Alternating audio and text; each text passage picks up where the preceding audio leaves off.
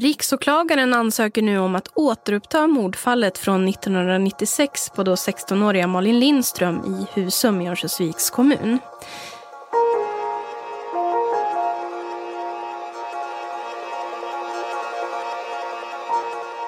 När 16-åriga Malin Lindström hittades mördad kunde en spermafläck från den förmodade gärningsmannen säkras på hennes kläder. Fläcken var så liten att tekniken inte räckte till för att få fram en DNA-profil förrän helt nyligen, 24 år senare. Polisen ville då topsa den misstänkte förövaren, men han vägrade och Högsta domstolen gav honom rätt. Där kunde historien varit över. Men tack vare ett gammalt bortglömt blodprov har fallet nu tagit en ny vändning. Kan det hela få en lösning till slut? Hur ser bevisläget ut nu? Och vad säger de anhöriga som i mer än två decennier väntat på ett svar? Det ska vi titta närmare på i det här avsnittet av Aftonbladet Krim. Jag heter Anders Johansson.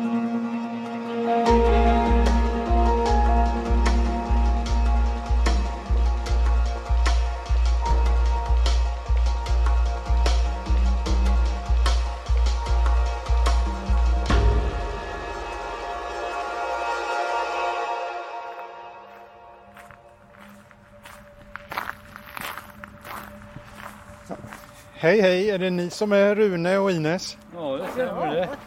Det stämmer. Trevligt att träffa er. Vi är vid Arnäs kyrkogård utanför Örnsköldsvik. Det är början av september och nära 15 grader varmt. Regnet hänger i luften.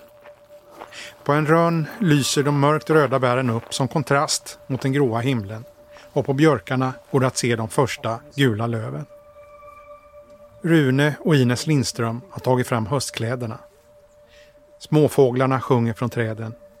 Det är stillsamt, så som det ofta är på gravplatser. Ja, det har ju regnat. Ska jag kolla om det är vatten? Det finns vatten.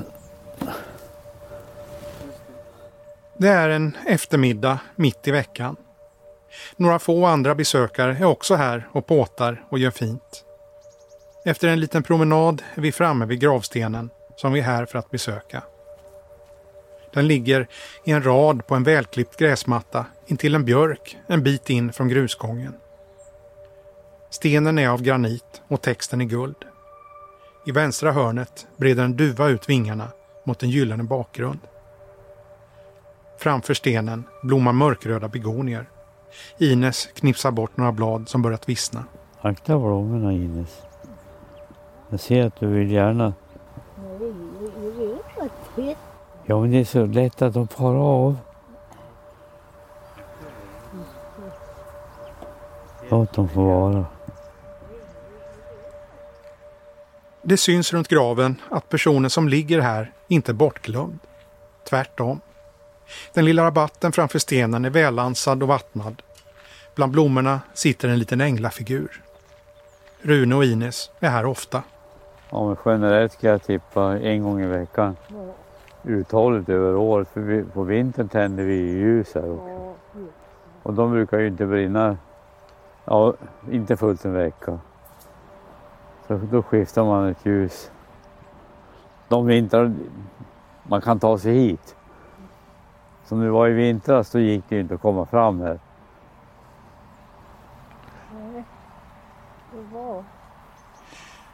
För man kan ju inte skotta sig in här. Jag har gjort det några, ett antal gånger också men det blir, det blir för, det är för mycket jobb det.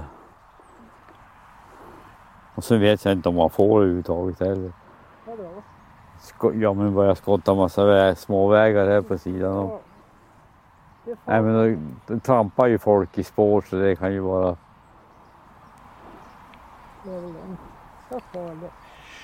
Vad har graven för funktion? Ja, det är ju det är ett måste att man ska ha någonstans att gå.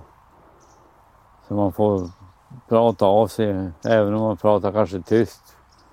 Så vill man ju på något sätt kommunicera och berätta för Malin vad som händer och sker.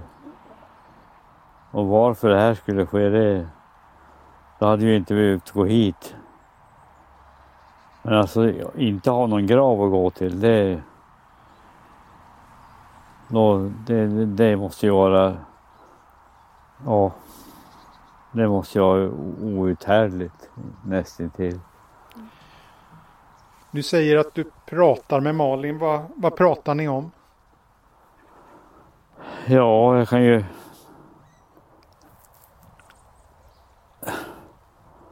prata om vad som hände den där dagen. Och varför hon gjorde som hon gjorde. Så att det här hände. Men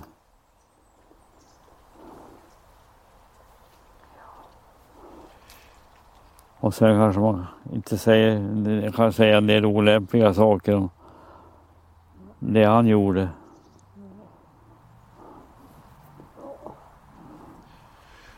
Och det här beskedet om det nya fyndet. Ja, ja jo, det, det är något positivt i alla fall som man kan tala om för Malin. Att nu är vi nära att få ett slut på det här.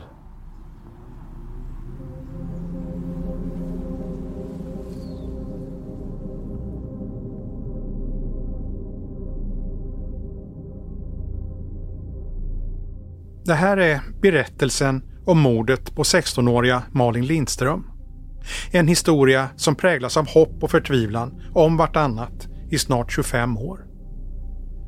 Allt börjar lördagen den 23 november 1996 när Malin försvinner. Hon får skjuts från hemmet i Järved in till Örnsköldsvik. Hon ska hälsa på en skolkamrat från vårdskolan för att slutföra ett skolarbete. Klockan 13.10 stiger hon på en buss vid busstationen och ska hoppa av i Husum, tre mil bort. Men någonstans däremellan händer något. Malin kommer aldrig fram. Samma dag har Rune varit på hemvärnsövning. Han får veta att Malin är borta och ger sig ut med bilen för att leta. Men eh, jag, jag får ju runt. Jag får ju via Domvägsön, jag får på linan, jag får överallt. Men jag, hamn, jag kom inte rätt i alla fall. Under kvällen kör han i trakterna kring en ort som heter Dombäck som ligger i närheten av Husum. Han vet inte då hur nära han egentligen är. Så jag var ju på spåret, jag var ju på rätt ställe. Men jag kom ju inte... Det var svårt att hitta. Ja, det var, det var ju svårt. Så jag gav upp då till sist. Tre dagar senare rapporterar SVT Västernorrland om fallet. Ett busskort stämplat i centrala Örnsköldsvik klockan 13.10 i lördags tillhörande 16-åriga Malin Lindström. Det är det hetaste spåret just nu efter den försvunna Örnsköldsviksflickan. Polisen utgår nämligen nu helt från att Malin verkligen tog den buss som planerat till Husum. Vid ändhållplatsen väntade kompisen, men när chauffören stannade fanns Malin inte med. Polisen anar tidigt att någonting inte stämmer kring Malins försvinnande. Att hon inte håller sig undan frivilligt. De startar därför en sökinsats. Och under de första dagarna florerade mycket olika vittnesuppgifter om vad som kan ha hänt. Någon tror sig ha sett något, någon annan har sett något annat. Men inget av det som berättas är till någon hjälp för utredningen. De, alla vittnen som kom, de hade ju sett henne överallt. Men det var ju felaktiga uppgifter allting. Nej, inga av de vittnesuppgifter som kommer in inledningsvis hjälper utredningen framåt och inte heller sökinsatserna. Efter tre veckor har polisen inte kommit någon vart. TV4 rapporterar. Ja, hela fallet är förbryllande för att nu har det gått snart tre veckor och inte ett livstecken ifrån eh, Malin. Rune och Ines beskriver det som en hemsk tid. De är förtvivlade och alla rykten och felaktiga uppgifter gör det hela värre. Ja, den första tiden var ju väldigt besvärlig för det, då florerade ju alla de här ryktena att hon hade setts. Och vi spekulerade ju också i det. Man vill ju, man vill ju inte tro att det har hänt det värsta. Så därför så... Eh, ja, det var, en, det var ingen... Det var en hemsk tid. Utan att veta någonting. Tiden går, men trots polisens arbete går utredningen inte framåt. Malin är lika spårlöst försvunnen. SVT Västernorrland rapporterar igen, två månader efter att sökpatrullerna börjat leta. Två månader har gått sedan 16-åriga Malin Lindström tog bussen från Örnsköldsvik mot Husum. Men någonstans på vägen steg hon av. Ett område längs E4 söder om Husum betraktar polisen som intressantast. Där tycks spåren efter Malin sluta. Kort senare ger polisen upp sökandet. Det är för svårt i snön och hundarna får inte upp några spår. Och det var, ja jag ska inte säga någonting om deras jobb. Det, det fick de ju sköta. Men jag tyckte inte de skötte det sådär. Nej, icke. Hundarna, de hade ju likhundar, de hade sökhundar och som skulle leta rätt på. Men det är klart, det hade ju snöat lite grann och de orkade väl inte. De, så då gav de upp helt enkelt. De, de la ner. Och så skulle mena de att de skulle återuppta sökandet när, när eh, det blev längre, när det blev vår, alltså snöfritt. Det ska dröja ända till mitten av maj innan polisen upptar sökningarna igen. Då har snön smält bort och hundarna släpps ut igen i krokarna kring Dombäck. SVT rapporterar igen. Det har gått ett halvår nu. Sex månader sedan 16-åriga Malin Lindström skrev en lapp till sina föräldrar. Hon skulle vara hemma till middagen, tog en buss norrut från Örnsköldsvik och försvann. Ett halvår som resulterat i en av Västernorrlands största polisutredningar någonsin och total ovisshet om vad som hänt flickan. Idag återupptogs sökandet i Dombäck söder om Husum. Bara två dagar senare hittas Malins kropp. Området där Malin Lindström hittades idag på eftermiddagen har nu spärrats av inför den kriminaltekniska undersökning som tar vid. Veckans spaningar innebar egentligen den avslutande polisiära efterspaningen i området. Att hon därmed hittades var lite av sista chansen för Örnsköldsvikspolisen. Rune och Ines får beskedet samma dag. Det var ju, som, det var ju en bekräftelse på att det, hade, det värsta hade hänt. Man, jag, jag minns som att det, det känns ju som det är någonting som har ryckt bort ur kroppen på en kroppsdel som har, man har bara grabbat tag i och ryckt bort hastigt.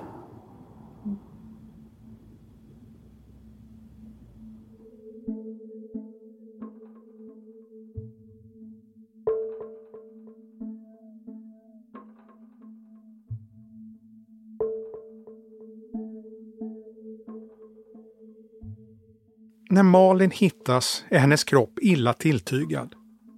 I ett halvår har den legat ute i skogen, 300 meter från E4, dold invid en sten under granris. Rättsläkarna utesluter redan vid första anblicken att det rör sig om ett naturligt dödsfall. Armarna är bakbundna med tejp. Hennes ben, de är också tejpade. Byxorna är uppsprättade och fynden pekar på att Malin blivit utsatt för sexuella övergrepp. Teknikerna hittar också en spermafläck på byxorna framme vid gylfen. Det här fyndet ska senare visa sig vara avgörande. Vi återkommer till det. Vid en närmare undersökning av kroppen framgår att Malin blivit attackerad med en mängd hugg i ryggen och tre av dem har varit så djupa att de trängt in i brösthålan. Dödande hugg. Tre månader efter att kroppen hittats griper polisen en man. SVT Västernorrland. Det var vid halv nio-tiden idag som kriminaltekniker från Sundsvall och Örnsköldsvik började husrannsakan i 19-åringens hem i Husum. Samtidigt fattade chefsåklagare Lennart Lindskog beslut att anhålla mannen som skäligen misstänkt för mordet på 16-årige Malin Lindström i november förra året. Fyra dagar senare häktas mannen. Han sitter i knappt fyra veckor innan rätten kommer med ett överraskande besked. Den 19-årige Husumbon har fram till idag suttit häktad i åtta veckor. Åklagaren Lennart Lindskog har trots det inte väckt åtal mot honom och hade idag begärt Örnsköldsviks tingsrätt att ta ställning till hans begäran om fortsatt tid fram till åtalets väckande. Men det överraskande beskedet kom efter bara en halvtimmes överläggningar. 19-åringen släpps på fri fot med omedelbar verkan trots att misstankarna mot honom kvarstår. Anledningen till att mannen får gå är att polisutredningen inte kommer framåt. 19-åringen nekar. Men även om han inte omhäktas så fortsätter polisutredningen. Det går trögt.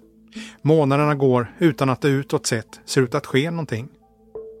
Men så, i början av juni 1998, Mer än ett och ett halvt år efter att Malin försvunnit så kommer åtalet.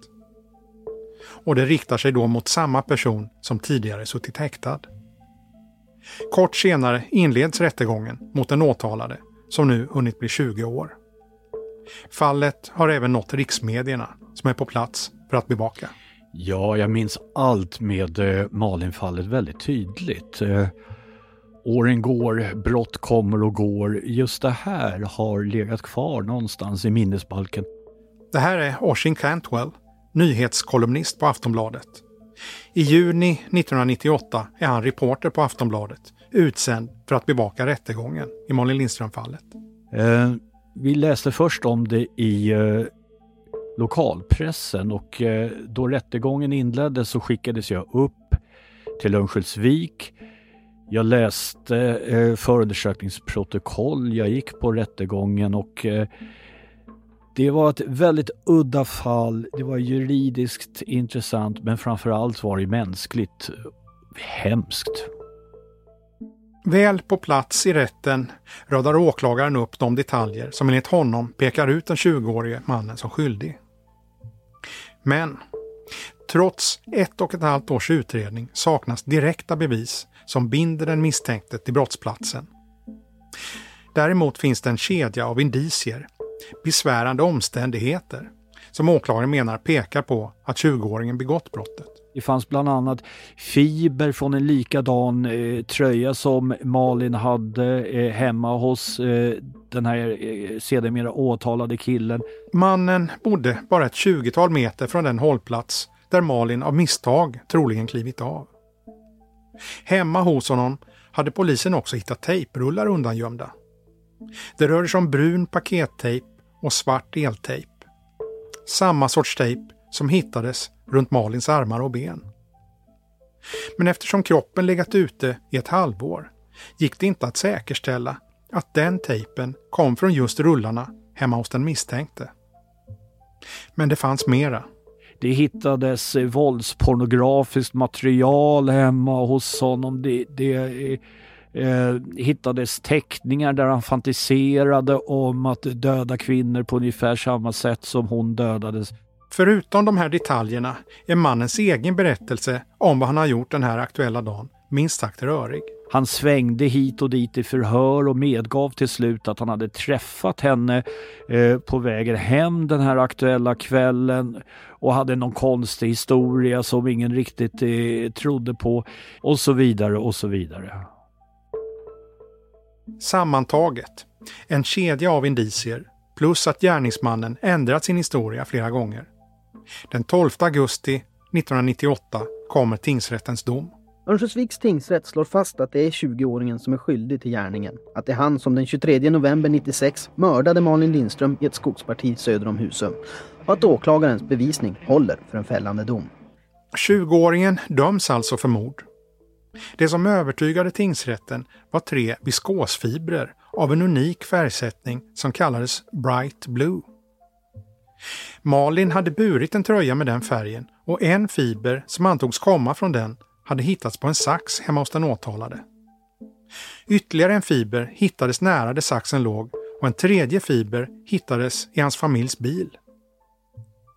Möjligheterna att fibrerna skulle komma från någon annan tröja än Malins betecknade tingsrätten som mikroskopisk, framgår i domen. Fynden visade istället att han hade haft med Malins död att göra. Tillsammans med en rad andra besvärande omständigheter kom tingsrätten fram till att det var ställt utom rimligt tvivel att det var han som mördat Malin. En rättspsykiatrisk undersökning hade visat att han inte led av någon allvarlig psykisk störning som innebär att han skulle ha vård istället för fängelse. Vid den här tiden var straffet för mord fängelse i tio år eller på livstid. Och när det skulle utmätas vägdes, precis som idag, gärningsmannens ålder in. Bara den som fyllt 21 kan dömas till livstid. Den åtalade var i det här fallet 18 år och 10 månader vid brottstillfället. Och Örnsköldsviks tingsrätt kom fram till att straffet, med hänsyn tagen till hans ålder, skulle bestämmas till 8 år.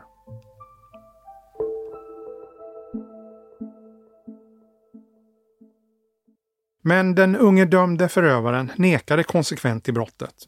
Han överklagade till hovrätten.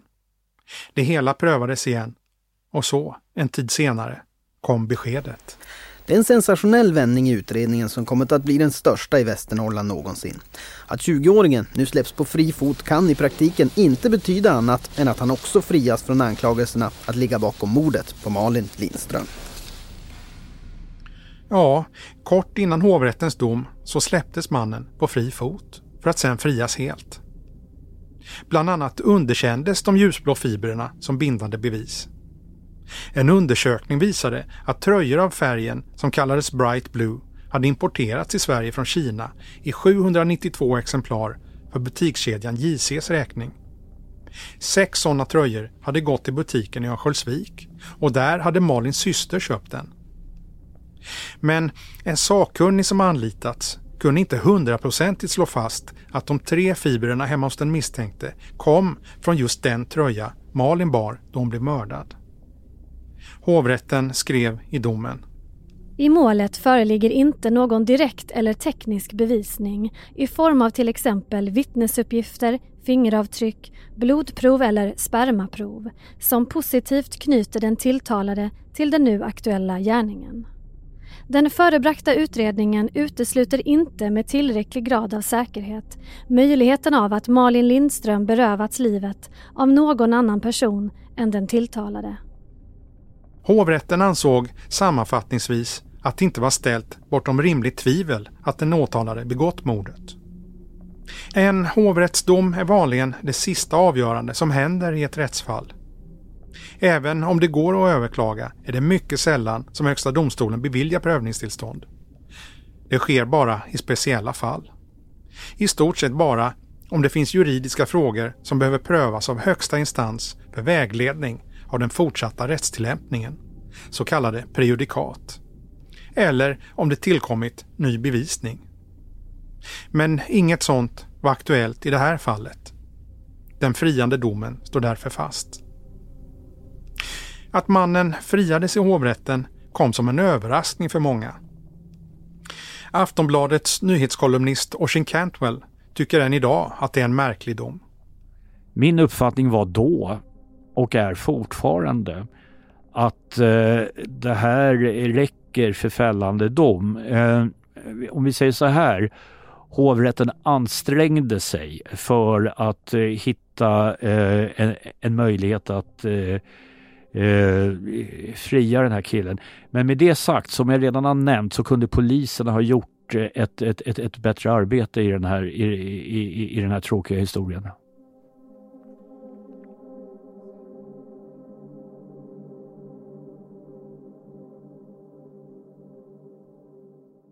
Rune och Ines, som tagit del av all utredning, vittnesförhör, alla indicier, blev övertygade under förhandlingen i tingsrätten.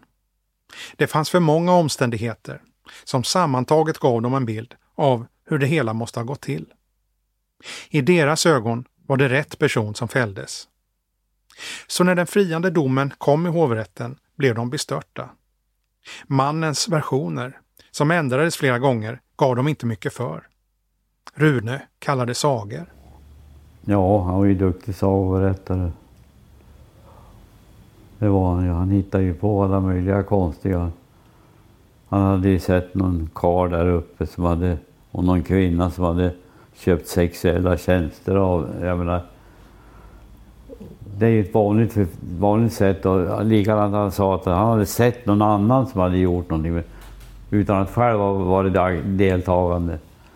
Och det, det är ju ett vanligt sätt att flytta skulden på någon annan. Så att... Eh, så han har varit duktig att hitta på.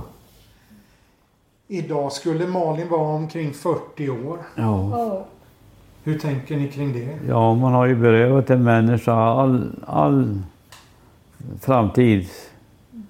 Jag menar utbildning, och att hon skulle träffa någon och gift sig och fått barn. Och vi har fått barnbarn.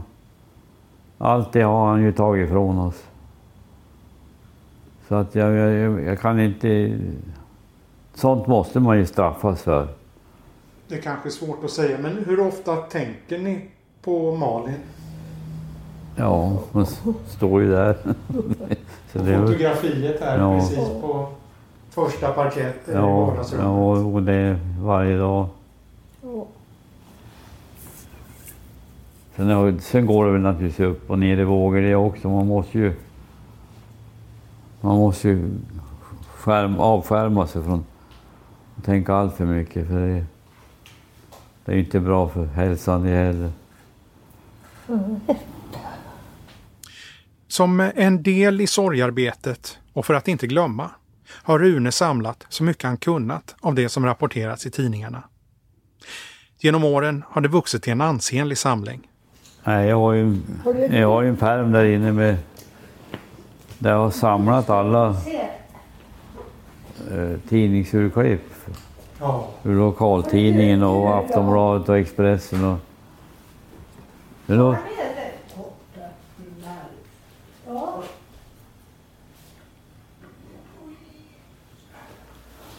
Ja, vilka fina bilder. Mm. Och sen har jag ju även en, en, en pärm med fakta från rättegångarna. Men den, den är ju ingenting man... Jag, jag läser inte in mig på det inte.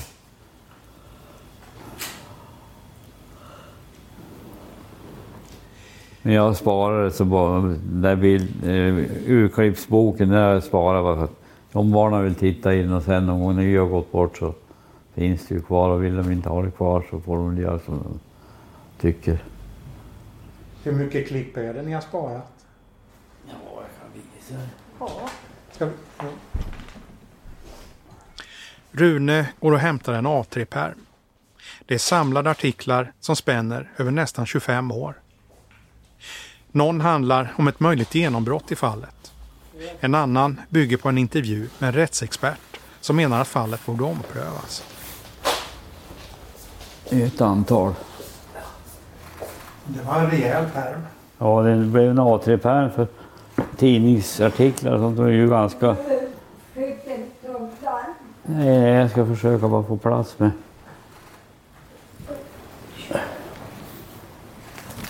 Ja, det är många tidningar. Vi bläddrar vidare i de gamla artiklarna. Sida efter sida om en polisutredning som inte kommer någon vart. Artikel efter artikel om ett mord som inte verkar få någon lösning.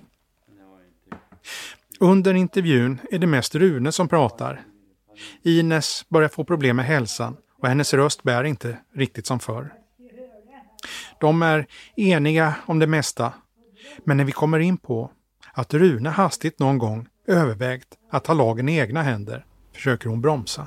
Och jag har ju haft en sån tanke en gång också. Jag, jag, jag stod, jag stod i E4 och skulle köra över min bil. Men jag hade, ja men vänta nu, jag ska berätta bara. Jag hade, skulle passera över E4 mot brandstation och så var det rött. Och så får, får jag se den här killen komma och gå över övergångsstället. Då tänkte jag, fan om jag skulle ta och dra på.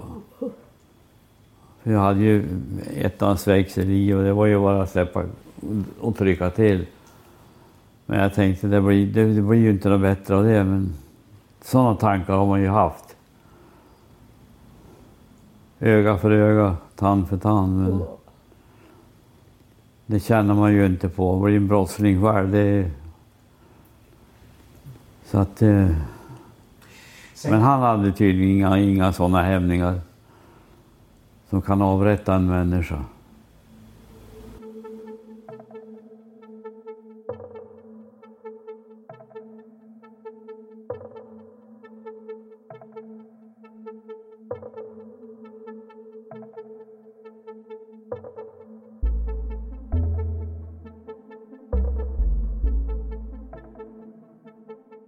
När mannen friades var det också ett slut på polisutredningen. Ett avslutat ärende. Inget mer skulle hända. Men plötsligt, efter 24 år, får fallet liv igen. Kalla fallgruppen i polisens Region Nord börjar samarbeta med polisen i Västernorrland och de undersöker ärendet på nytt på försommaren 2020. De plockar fram gammalt material från polisutredningen i kartonger som samlat damm i över två decennier. En sak fångar deras intresse. En plastficka med ett kuvert och där någon skrivit för hand förstöres. Av oklar anledning hade innehållet trots det inte förstörts. Inuti kuvertet ligger ett litet plaströr som ser ut att vara tomt. På det korkförsedda rörets etikett står nummer 8 rör med hårstrån. Och så polisens diarienummer på kriminalärendet. Vid en närmare anblick framgår att det ligger tre små hårstrån i röret. Det här ska vi återkomma till snart. Ungefär samtidigt hade Nationellt forensiskt centrum, NFC, börjat analysera den gamla spermafläck som säkrats på Malins byxor. Med hjälp av ny teknik lyckas de med något som tidigare varit omöjligt. Radions P4 Västernorrland rapporterade. Kanske kan det 24 år gamla mordet på Malin Lindström från Örnsköldsvik klaras upp.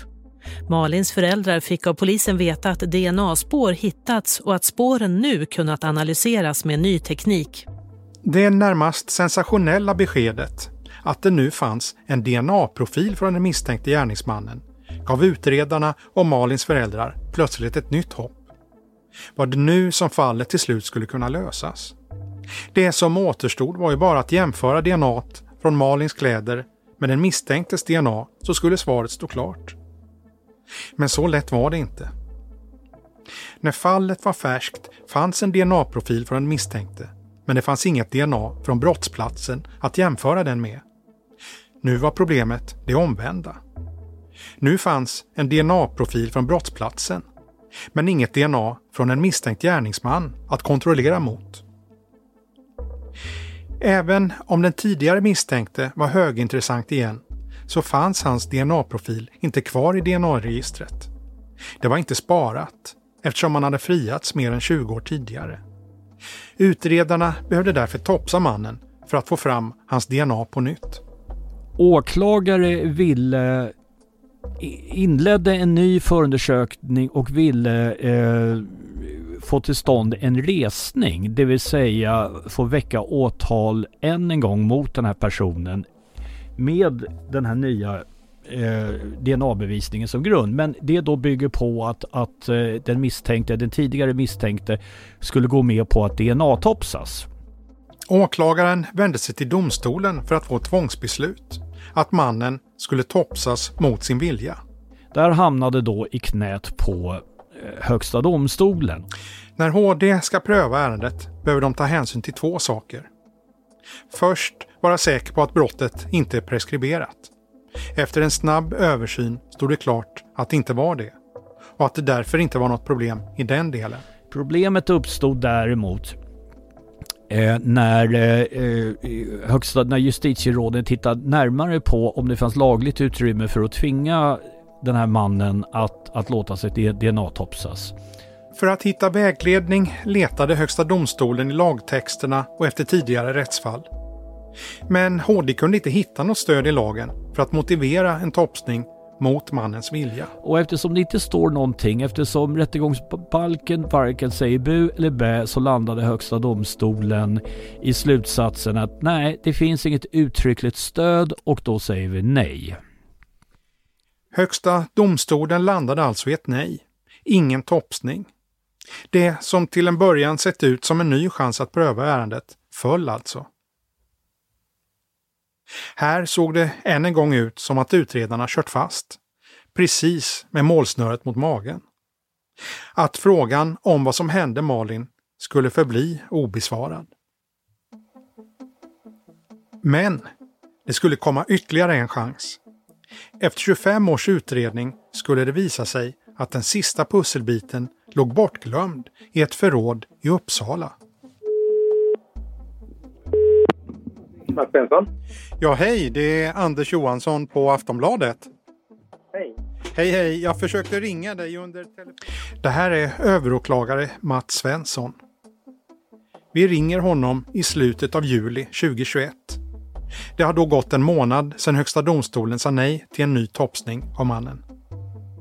Efter det beskedet hade polisens Kalla fallgrupp fortsatt att följa upp spår genom att gå igenom gamla anteckningar, protokoll och bevis från de arkiverade kartongerna. Och de hade fastnat för en anteckning om ett blodprov som tagits mer än 20 år tidigare.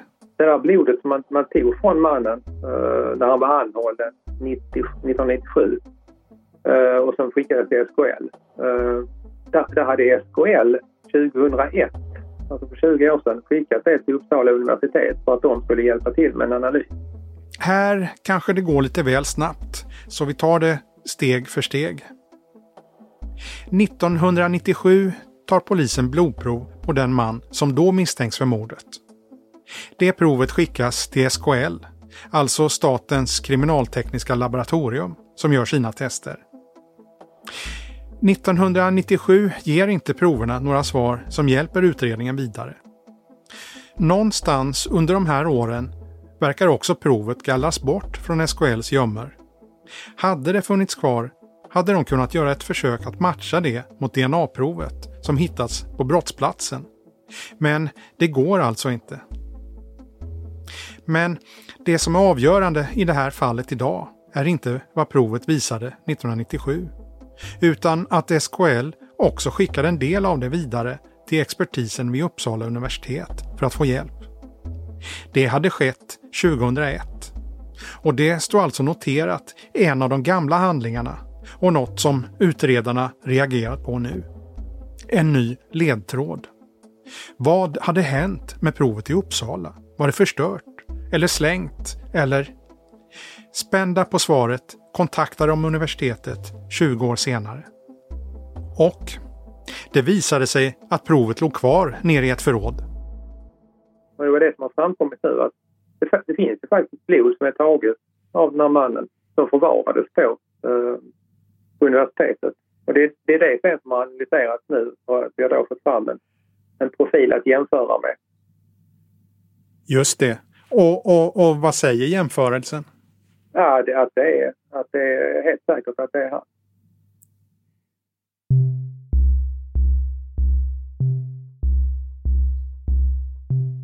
Åklagarsidan har nu alltså ett tungt vägande bevis som tidigare saknats. En DNA-träff.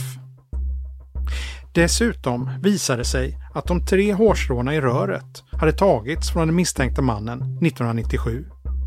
Ett av dem gick att analysera och även det matchade mot spermafläcken. Och överåklagare Mats Svensson, som leder förundersökningen åt riksåklagaren, bedömer att den här bevisningen skulle ha gett en fällande dom i hovrätten om den varit känd då. Med de här bevisen som stöd har riksåklagaren ansökt om resning mot mannen i Högsta domstolen för att få till en ny rättegång. När det här avsnittet spelas in ligger ärendet fortfarande under handläggning. För att HD ska kunna fatta beslut behövs ytterligare utredning. Däribland måste polisen hålla ett nytt förhör med mannen och han har i ett första steg fått en offentlig försvarare som ska vara med då. Som det ser ut nu kommer det dröja några veckor innan det förhöret kan hållas. Överåklagare Mats Svensson säger att det finns en central fråga som mannen då ska få svara på. Varför hans sperma finns på Malins kläder. Det förtjänar att påpekas att mannen som frikänts för mordet på Malin är just frikänd och ska betraktas som oskyldig.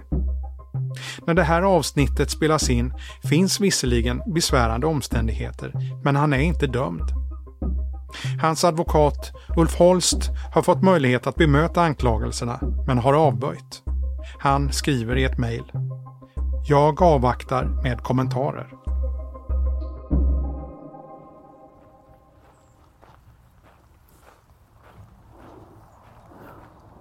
Ja det var det.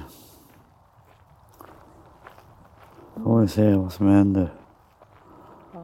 Om det händer någonting. Då ska vi nog tala om det. Mm. För dig. Vad säger du? Jag pratar med Malin. Vi är tillbaka där vi började. på Arnäs kyrkogård utanför Örnsköldsvik. Rune och Ines påtar i den lilla rabatten framför gravstenen. De har många gånger frågat sig om de ska få något svar till slut. Få juridiskt fastställt vem det egentligen var som mördade deras dotter. Kanske har det svaret aldrig varit så nära som nu. Rune och Ines hoppas att det kan bli en ny rättegång. Ja, det, för mig skulle det i alla fall innebära det att få att sätta ögonen i den här mannen. Och så, så han får tala om vad han har gjort. Och att nu får det vara slut på sagoberättandet. Nu får han tala om vad som hände. Och bli dömd efter det.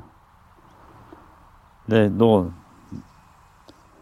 det är det enda som, som behövs nu så har, vi, har jag fått ett avslut i alla fall. Det tror jag Ines har fått också.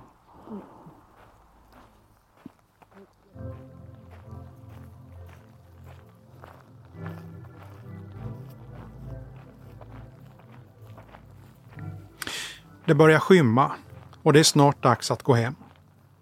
Vi kommer överens om att höras om hur det går framöver. Innan vi går ordnar Rune och Ines några sista saker vid gravstenen. Det är en fin sten. Ja, men den börjar väl lite mossig.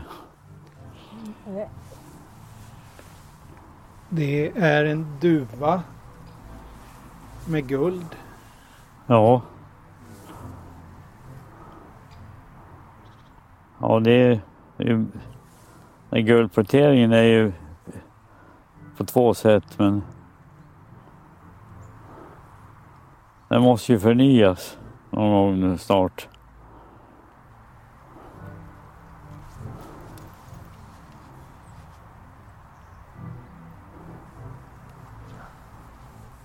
Och versen längst ner, eller raderna, raden längst ner är ju är väldigt fin tycker jag. Va, va, vad står det på stenen? Kärleken dör aldrig. Och det gör den inte. Den lever evigt den.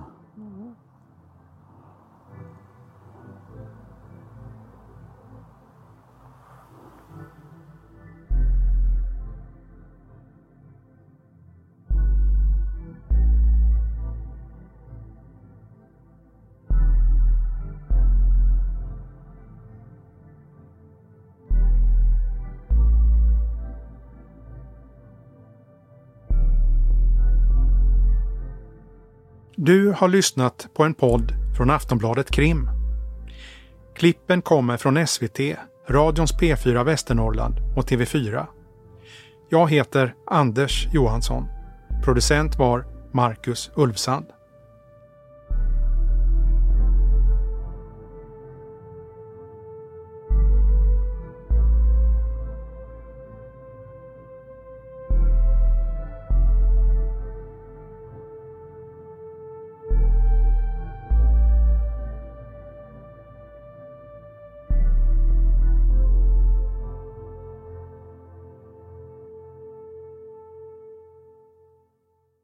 Du har lyssnat på en podcast från Aftonbladet. Ansvarig utgivare är Lena K Samuelsson.